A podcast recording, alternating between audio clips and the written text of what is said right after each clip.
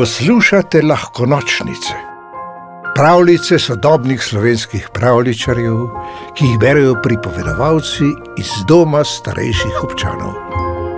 Ščepec časa.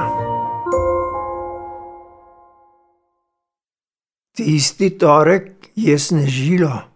Tilen se je v vrtu naučil novo pesmico o snežinkah, ki nežno padajo proti tlom o Božičku, ki pripravlja svoje sani za pot okoli sveta, o debeli sneženi odeji, ki bo kmalo prekrila hribe in doline. Pesmica je bila Tilnu zelo všeč. Z otroci in vzgojiteljicama se jo je učil nekaj dni in kome je čakal, da jo zapoje mami, očetu in sestri. Pesmico si je prepeval med kosilom in popoldanskim počitkom. Prepeval si jo je med malico in ob tem pogledoval skozi okno, kdaj ga bodo starši prišli iskat. Mami, naučili smo se novo pesmico, je navdušeno vzkliknil, ko je prišla ponj. O, lepo, je rekla mama, a najprej se morava obleči in obuti. Zunaj je prava zima. Zunaj je res zapadlo veliko snega. Tilnovi so stanovali blizu vrca, zato sta se z mamo proti domu odpravila peš. Nova pesmica gre takole, je dejal Tilen. Joj, ravno mi telefon brni, je odgovorila mama. Prijela ga je za roko in sprejela klic. Ko sta prišla domov, je mama še vedno govorila po telefonu. Tilnu je pomagala, da se je slekel iz zimskih oblačil. Pripravila bom kosilo, ti pa se pojdi igrat, mu je zaklicala in se odpravila v kuhinjo. Tilen je odšel proti svoji sobi, kjer je srečal svojo starejšo sestro Izo. V vrtu smo se naučili novo pesmico, bi jo rada slišala? Ne, zdaj le nimam časa, narediti moram domačo nalogo. Sej ni dolga, se ni dal tilen. Morda pozneje, prav? mu je potrpežljivo odgovorila sestra. Si jo mami že zapel? Mama ima delo s kosilom, je odgovoril Tilen, pa še telefon ji stalno zvoni. A tako, je rekla Iza, in začela delati domačo nalogo. Fant je odšel v dnevno sobo in se začel igrati s kockami. Njegova igra je predramila družinskega mačkona Bučka, ki je prišel pogledat, kaj se dogaja. Bi ti rad slišal pesmico, ki smo se jo naučili v vrtu? ga je vprašal Tilen. Mačkon se je stresel, in odšel v kuhinjo. Tilen je skomignil z rameni. Nihče nima časa, je rekel sam pri sebi.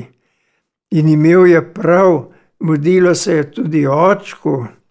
Moram ponovo pipo, je zaklical. Tista v kopalnici je pokvarjena, nekaj časa me ne bo. Tilnu ga ni uspelo niti pozdraviti, Kaj šele, da bi mu povedal, česa se je naučil v vrtu. Ko se bo vrnil iz trgovine, bo očka zagotovo zaposlen z menjavo pipe, je razmišljal fant. Mama bo pospravljala, bučko bo dremal in Iza bo delala domače naloge. Vsi so tako zaposleni. Žalostno je obsedel med kockami. Čez nekaj časa se je zazrl skozi okno in opazil, da zunaj še vedno močno sneži. Stopil je k okenski polici in začel šteti snežinke. Bilo jih je veliko in ko jih je štel, ga je prešinila čudovita ideja. Stekel je proti svoji sobi. Iza, potrebujem tvojo pomoč. Iza ga je strogo pogledala izza šolskega zvezka.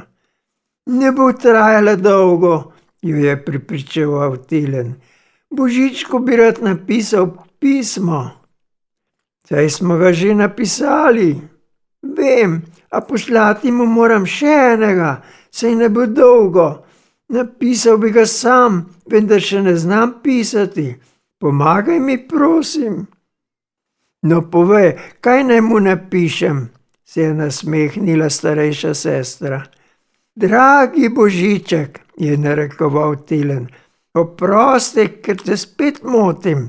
Prosim te, da letos pod našim božičnim drevescem namesto mojega darila pustiš pet minut časa. Pet minut za mamo, pet za očka in pet za Izo, da ne bodo tako zaposleni, da se jim ne bo stalno nekam mudilo, da jih bo čas nehal vedno znova priganjati. Hvala. Ljubko pisemce, je rekla Iza. Veš kaj, skoraj sem končala domačo nalogo in rada bi slišala pesmico, ki ste se jo danes naučili v vrtu. Tilen je ponosno pokimal, zaprl je oči, zajel je sapo in zapel. Bravo, je vzkliknila Iza, ko je končal. Bravo, je rekla mama, kako lepo, ravno sem pripravljala mizo za kosilo, ko me je očaral tvoj napev. Tilen se je nasmehnil in prikimal. Krasna pesmica, je rekla mama.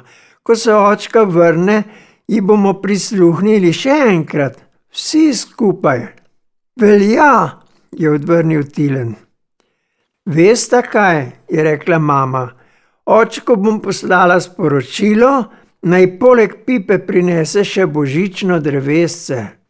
Pesmica me je spomnila na praznične dni, ki prihajajo. Glede na to, da zunaj sneži, je skrajni čas, da se na nje pripravimo, kot je treba. Juhej, je zavriskala Iza. Juhej, je zavriskal Tilen. Na to je za trenutek postal in šepnil: Božiček, ti pa res se vidiš in slišiš.